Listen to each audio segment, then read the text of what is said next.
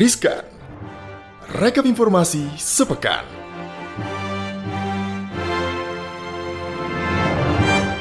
Selamat pagi, selamat siang, selamat sore, selamat malam Sobat Cuan. Hai, hai, hai.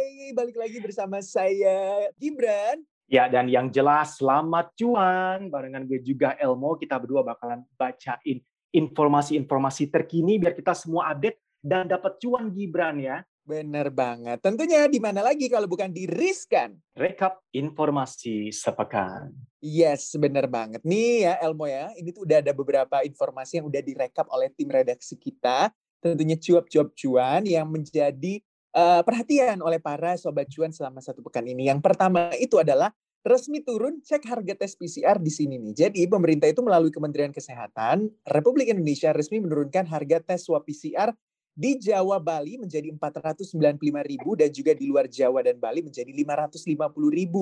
Kimia Farma melalui pengumumannya menyampaikan kalau harga efektif tes PCR sebesar 500.000 mulai berlaku di 16 Agustus 2021. Dengan hasil 16 jam, Harga ini juga berlaku di Jakarta, Semarang, Bandung, Medan, dan juga Makassar. Kalau untuk swab antigen untuk reguler itu dipatok 85.000 dan juga untuk Abbott Pandio dikenakan biaya sebesar Rp125.000 Elmo. Nah ternyata ini sepertinya berlomba-lomba dalam kebaikan Gibran ya, karena nggak hanya BUMN, milik swasta pun ini namanya udah beken banget Bumame Farmasi. Ini kalau kita boleh kutip akun Instagram resminya ya Sobat Cuan at Bumame underscore Farmasi. Ini juga mengumumkan adanya penurunan harga. Nah kalau di keterangannya Bumame ini diumumkan harga barunya yang berlaku catat ya mulai 17 Agustus di hari kemerdekaan kemarin pukul 00 WIB di sebanyak ada 29-an cabang dari Bumame. Harganya nih antara lain untuk hasil 24 jam ada di Rp495.000 net. Kemudian buat sobat cuan yang pengen hasil lebih cepat ada 16 jam ini di Rp750.000 net. Terus ada 10 jam. Untuk 10 jam ini ada di 900-an ribu rupiah net. Terus ke 29 cabang Bumame, ini masing-masing ada yang berlokasi di Jakarta, Bogor, Tangerang, Depok, Bekasi, hingga Bandung. Nah, tergantung nih sobat cuan lokasinya ada di mana. Tapi kalau kita bandingin nama BUMN, yang swasta masih agak sedikit uh, di kantong agak mikir ya, Gibran ya. Iya, bener banget ya. Walaupun memang kita ketahui uh, harga tes PCR itu masih cukup mahal di beberapa golongan lapisan masyarakat. Tapi kalau kita lihat, misalnya salah satunya juga adalah MyLab Indonesia, juga mengatakan harganya itu bersahabat untuk harga terbarunya ini. Untuk MyLab Indonesia itu menurunkan harga swab PCR menjadi 495.000 di seluruh lokasi MyLab. Ada di Tebet, Duren Sawit, dan juga Kelapa Gading. Dan itu sudah diumumkan di Instagram resminya MyLab atau at MyLab Indonesia. Sebelumnya juga nih, Elmo ya, Dirjen Pelayanan Kesehatan Kemenkes Abdul Kadir mengatakan kalau berdasarkan surat edaran tahun lalu, pemerintah ini menerapkan batas tertinggi harga tes swab PCR maksimal itu Rp900.000 bila dibandingkan dengan harga sekarang yang sudah terjadi penurunan sebesar 45 persen, Elmo. Ya sebenarnya ini gede juga ya, hampir separuh nyaris 50 persen. Apalagi ini yang ngeluarin statementnya Sobat Cuan dan Gibran langsung Pak Presiden. Karena sebelumnya kita tahu ini Presiden Joko Widodo meminta agar tarif tes PCR ini bisa diturunin ini bahkan sampai di bawah 500 ribu sampai ke 450 ribu tapi ada rentangnya ya Rp450.000 sampai Rp550.000 sekali tes. Karena kita tahu sebelumnya Kemenkes menerapkan tarif maksimal Rp900.000. Apalagi kalau masih kita ingat Gibrannya di awal pandemi bahkan bisa sampai satu jutaan. Bayangin mau tes aja mikir ya, tercover apa enggak ini kalau kita mau tes secara pribadi untuk PCR. Presiden Jokowi ini juga meminta agar hasil tes PCR ini bisa keluar satu kali 24 jam juga. Tujuannya udah pasti ya untuk mempercepat pelacakan COVID-19 di tanah air. Dan beberapa laboratorium di daerah ini juga membutuhkan waktu. Masih ada nih Gibran ya sama Sobat Cuan. Sampai lima hari bahkan untuk proses satu tes PCR. Padahal bisa jadi Gip ya, badan udah ngerasa nggak enak, dia udah was-was. Ini kan psikologi juga sebenarnya ya, kalau kita ngomongin tes PCR, habis itu masih disuruh nunggu. Semoga segera ada perbaikan Gibran ya. Benar banget, harapannya sih seperti itu ya. Nah ini nih eh, Elmo ya, ini informasi selanjutnya ini bisa dikatakan uh, apa ya, sesuatu yang menggembirakan di tengah pandemi COVID-19. Karena ada di mana pemerintah itu sudah mulai melakukan pencairan dana bantuan subsidi upah atau BSU. Yes. Jadi ada caranya untuk melihat siapa saja penerima BSU senilai 1 juta rupiah di kemenaker.government.id atau .go.id. Jadi, ketika kita melihat besaran subsidi 1 juta rupiah bagi seluruh pekerja yang memenuhi syarat, dapat dicek melalui enam kanal yang sudah disediakan oleh pemerintah. Pada tahap awal ini, bantuan gaji ini diberikan kepada 1 juta pekerja yang datanya sudah diserahkan oleh BPJS Ketenagakerjaan atau BP Jam Sostek kepada Kementerian Ketenagakerjaan, Elmo. Peserta yang terpilih ini juga sudah mulai menerima dana BSU yang ditransfer. Nah, ditransfernya pun langsung lewat Bank Himbara ke rekening pribadi masing-masing. Jadi emang eh, nggak ada peluang sama sekali untuk terpotong atau mungkin mampir-mampir karena langsung ke rekening kita dan real time online digital. Sementara kalau kita nggak punya rekening Himbara, gimana nih? Kan kita ngomongin uh, saudara-saudara kita yang di daerah juga nih, nggak perlu khawatir karena akan segera dibuatkan rekening kolektif. Benar banget. Jadi kalau untuk tahap kedua itu BP Jam Sostek sudah menyerahkan data calon penerima BSU ya Elmo kepada Kementerian Ketenagakerjaan. Data diserahkan sebanyak 1,25 juta orang, sehingga total data yang sudah diserahkan kepada pemerintah yaitu 2,25 juta. Dan target untuk penerima BSU di tahun ini itu 8,7 juta pekerja Elmo. Banyak banget Wah, ya. banyak juga ya, 8,7 langsung ya. Benar banget. Dan tentunya untuk mempermudah peserta untuk mengetahui apakah bisa atau berhak mendapatkan dana BSU, itu bisa mengecek langsung di kemenaker.go.id. Selain itu juga, disediakan beberapa kanal-kanal informasi bagi peserta untuk dapat mengakses informasi terkait eligibilitas mereka dalam memperoleh dana berikut rinciannya. Di mana saja? Elmo. Oke. Ini bagian yang gue demen nih, Gip. Kasih info dan infonya benar-benar kepake dan bermanfaat ini ya. Pertama, ini kita bisa lewat website resmi dari BPJS Ketenagakerjaan. Lamanya, alamatnya di www.bpjsketenagakerjaan.com go.id. Ada juga akun aplikasi BPJS TKU yang udah punya akun ini. Ini bisa langsung juga Gip uh, melakukan akses melalui situs sso.bpjsketenagakerjaan.go.id. Di sana nanti ada menunya, kita cek bareng, ada menu bantuan subsidi upah. Terus bisa juga ada kemudahan ini melalui microsite BSU bpjsketenagakerjaan.go.id. Ambil gift di mana lagi? Di ada di melalui layanan WhatsApp di nomor telepon 081 380 070 175 atau layanan masyarakat di nomor telepon 175 atau melalui halaman media sosial resmi BPJS Ketenagakerjaan pada Facebook dan juga Twitter melalui menu direct message dan juga kantor cabang BP Jam Sostek terdekat dengan membawa serta identitas diri berupa KTP dan juga kartu BPJS atau BP Jam Sostek tentunya ya. Sebagai informasi awal nih, bantuan ini juga diberikan kepada pekerja yang memiliki gaji di bawah 3,5 juta rupiah di wilayah pemberlakuan pembatasan kegiatan masyarakat level 3 dan juga 4. Dan penerima bantuan ini juga bukan penerima bantuan sosial lainnya dari pemerintah seperti Kartu Prakerja, lalu program Keluarga Harapan, dan juga bantuan produktif usaha mikro. Artinya, Elmo ya, pemerintah itu benar-benar sangat-sangat uh, memberikan insentif dan juga memikirkan bahwa masyarakat harus tetap bisa melakukan konsumsi, apalagi masyarakat dengan berpenghasilan di bawah rata-rata itu benar-benar harus dibantu. Oke. Okay. Nah, berbicara dengan insentif atau stimulus yang diberikan oleh pemerintah, ada nih stimulus yang diberikan oleh pemerintah Provinsi DKI Jakarta bagi warga ibu kota DKI Jakarta. Kabar gembiranya bagi warga DKI Jakarta, pemilik kendaraan bermotor, pemerintah Provinsi DKI Jakarta kembali memberikan diskon pokok pajak dan juga pemutihan sanksi denda pajak kendaraan bermotor atau PKB berlaku sejak 16 Agustus. Hal ini juga tertuang dalam Pergub atau Peraturan Gubernur nomor 60 tahun 2021 tentang insentif fiskal yang diundangkan pada 16 Agustus 2021, Elmo kurang apa sih sebenarnya pemerintah kita ini ya di sepanjang masa pandemi ini ada insentif, pelonggaran, terus kebijakan-kebijakan yang tadi Gibran udah sebutin juga pada intinya adalah biar roda ekonomi gerak, masyarakat juga mulai bisa gerak lagi. Kita perlu tahu ini melalui kebijakan tersebut, pemilik kendaraan bermotor dikasih insentif, dihapus nih Gib, ada penghapusan hmm. sanksi administratif. Nah ini uh, dengan kata lain Gibran dan gue ini bisa dibebaskan dendanya kalau misalnya terlambat bayar pajak. Kalau bisa jangan, kalau bisa sih jangan sampai telat bayar pajak ini ya. Nah, selain itu wajib pajak ini juga mendapatkan keringanan pokok pajak. Karena kalau kita lihat berdasarkan Bapenda DKI Jakarta, ini ada tiga program keringanan bagi pemilik kendaraan bermotor di Jakarta. Tuh Gibran, ini dia. Syarat dan ketentuannya apa aja? Ada yang pertama adalah penghapusan sanksi administratif atau denda pajak serta diskon pokok sebesar 5% bagi kendaraan bermotor sebelum tahun 2021. Insentif ini diberikan atau bisa dimanfaatkan bagi wajib pajak yang melakukan pembayaran pada bulan Agustus hingga September 2021. Terus bisa juga ada kemudahan penghapusan sanksi administratif atau denda pajak bagi kendaraan bermotor. Tapi jangan lupa Sobat Cuan untuk tahun 2021.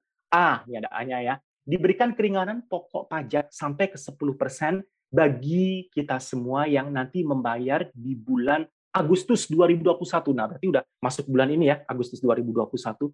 Terus ada juga B, keringanan pokok pajak ada 5% bagi yang melakukan pembayaran di bulan September 2021. Nanti harus buruan nih, mumpung masih di Agustus, nanti ada keringanan pokok pajak sampai 10%. Nanti pun kalau misalnya kita masih belum ada waktu, masuk ke September, masih ada juga kok keringanan pokok pajak, tapi di 5%. Ada juga Sobat Cuan, ini penghapusan sanksi bea balik nama kendaraan bermotor, kita tahu sebagai BBNKB, ini diberikan keringanan pokok pajak sampai ke 50% untuk kita bisa balik nama kendaraan bermotor kedua, dan juga seterusnya.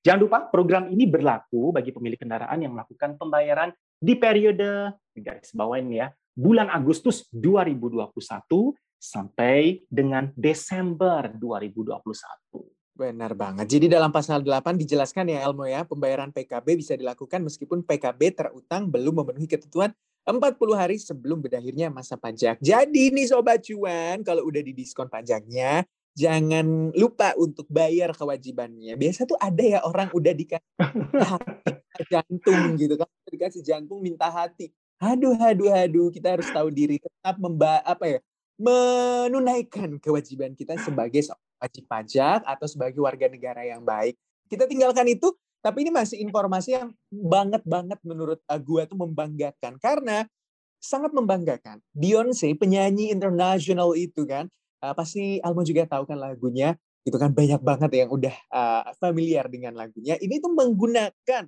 baju karya desainer Indonesia. Dan kalau kita lihat, salah satu desainer muda asal Indonesia, Peggy Hartanto, ini mencuri perhatian. Baru-baru ini, karya Peggy Hartanto itu dikenakan oleh penyanyi dunia Beyonce. Dan hal ini juga diunggah langsung dalam postingan Instagram Peggy Hartanto. Terlihat pelantun listen gitu lagunya tuh. Itu menggunakan mini dress berwarna hijau neon. Kalau bisa lagi ngebayangin Peggy Hartanto bajunya dipakai sambil oh oh oh oh oh, oh, oh no, no, siapa yang nggak bangga gila. Dan kalau kita lihat nih dari gambar-gambar yang gue googling juga tadi langsung, Beyonce ini kelihatan chic and effortless. Bener banget. Dan kalau kita lihat dipadukan banget ya Elmo, hmm. Elmo ya dengan kacamata bingkai putih, terus juga slingback mungil dengan warna yang senada.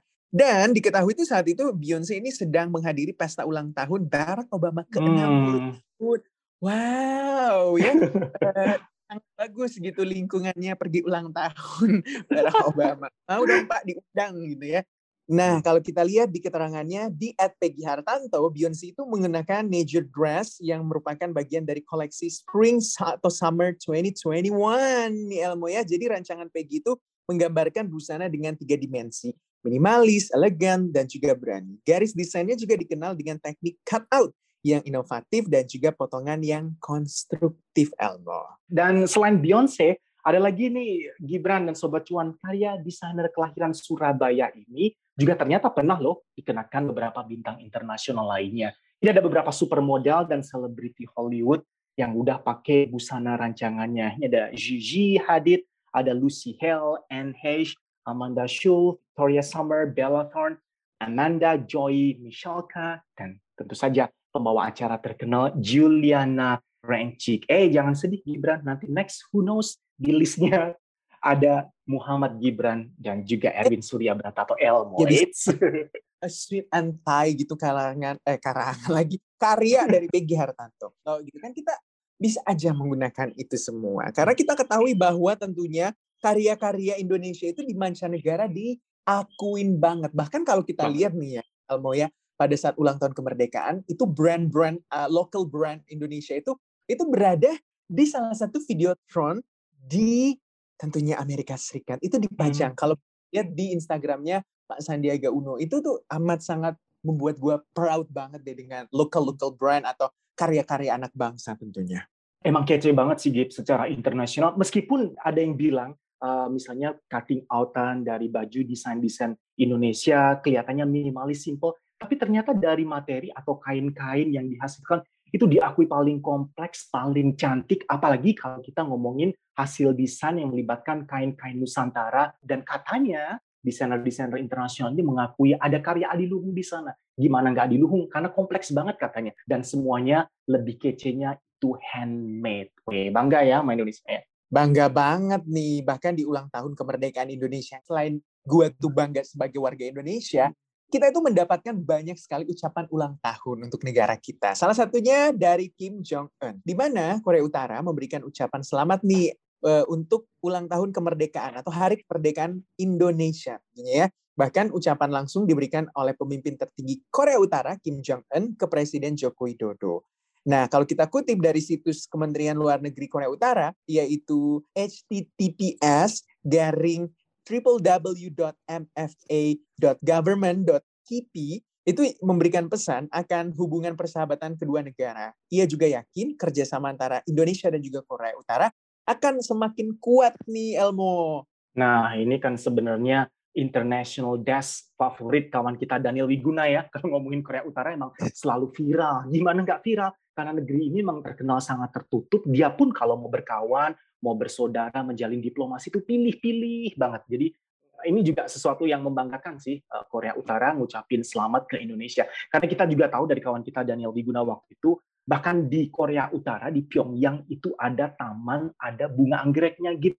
Namanya anggrek Soekarno. Berarti ini nunjukin kalau Indonesia Korea Utara di awal perjalanan diplomatisnya emang udah sangat kuat. Ini kalau kita juga ngutip lagi nih gitu ya di Rabu kemarin langsung dari pimpinan tertinggi Korea Utara Kim Jong Un ini bilang saya mengucapkan selamat yang hangat kepada Anda Jokowi dan tentu saja kepada orang-orang di negara Anda di peringatan 76 tahun kemerdekaan Indonesia. Benar banget. Jadi Kim Jong Un mengatakan, saya mengambil kesempatan ini untuk menyatakan keyakinan bahwa hubungan persahabatan dan kerjasama antara Republik Demokratik Rakyat Korea dan juga Republik Indonesia akan semakin kuat dan juga berkembang sesuai dengan aspirasi dan keinginan rakyat kedua negara. Dan Kim Jong Un juga mendoakan agar Indonesia selalu sukses besar dalam pembangunan nasional. Katanya uh, harapannya ataupun berharap Pak Jokowi bisa sukses besar dalam pekerjaan hmm. untuk pembangunan nasional di Indonesia. Wah, didoain sama Kim Jong Un loh, Gip Indonesia seorang sosialis sejati seperti Kim Jong Un mendoakan Republik Indonesia bisa sukses besar dalam pembangunan nasional. Ya kita amin aja gitu ya. Dan kita berharap yes. juga kalau emang udah terbangun hubungan diplomatis yang mesra baik, kenapa tidak dilanjutkan? Dan ini kalau kita tadi sempat bahas juga hubungan kedua negara memang udah erat banget, bahkan terjalin sejak era Presiden Soekarno dan Presiden Kim Il Sung. Ini kakek dari Kim Jong Un, pimpinan tertinggi Korea saat ini. Di 2020 kemarin, ini Korea Utara juga kasih ucapan serupa dengan memuji peningkatan ekonomi Republik Indonesia selama beberapa tahun terakhir. Oke, intinya semakin banyak Indonesia bersahabat sama negara-negara lain, Gibran ya, apa pun idealisme dan prinsip mereka.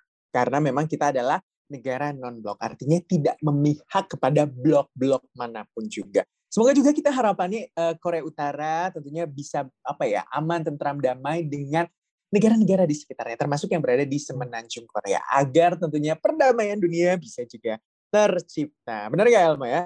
Oke, damai, damai, damai, dan sehat tentu saja segera terbebas dari pandemi, Gibran ya. Ya, benar banget. Oke, itu dia sejumlah informasi yang udah kita rangkum selama sepekan ini. Jangan lupa dengerin kita cuap-cuap cuan di Spotify, Apple Podcast, dan juga Google Podcast. Dan juga jangan lupa follow akun Instagram at cuap underscore cuan tentunya. Dan juga di YouTube channel di mana, Elmo?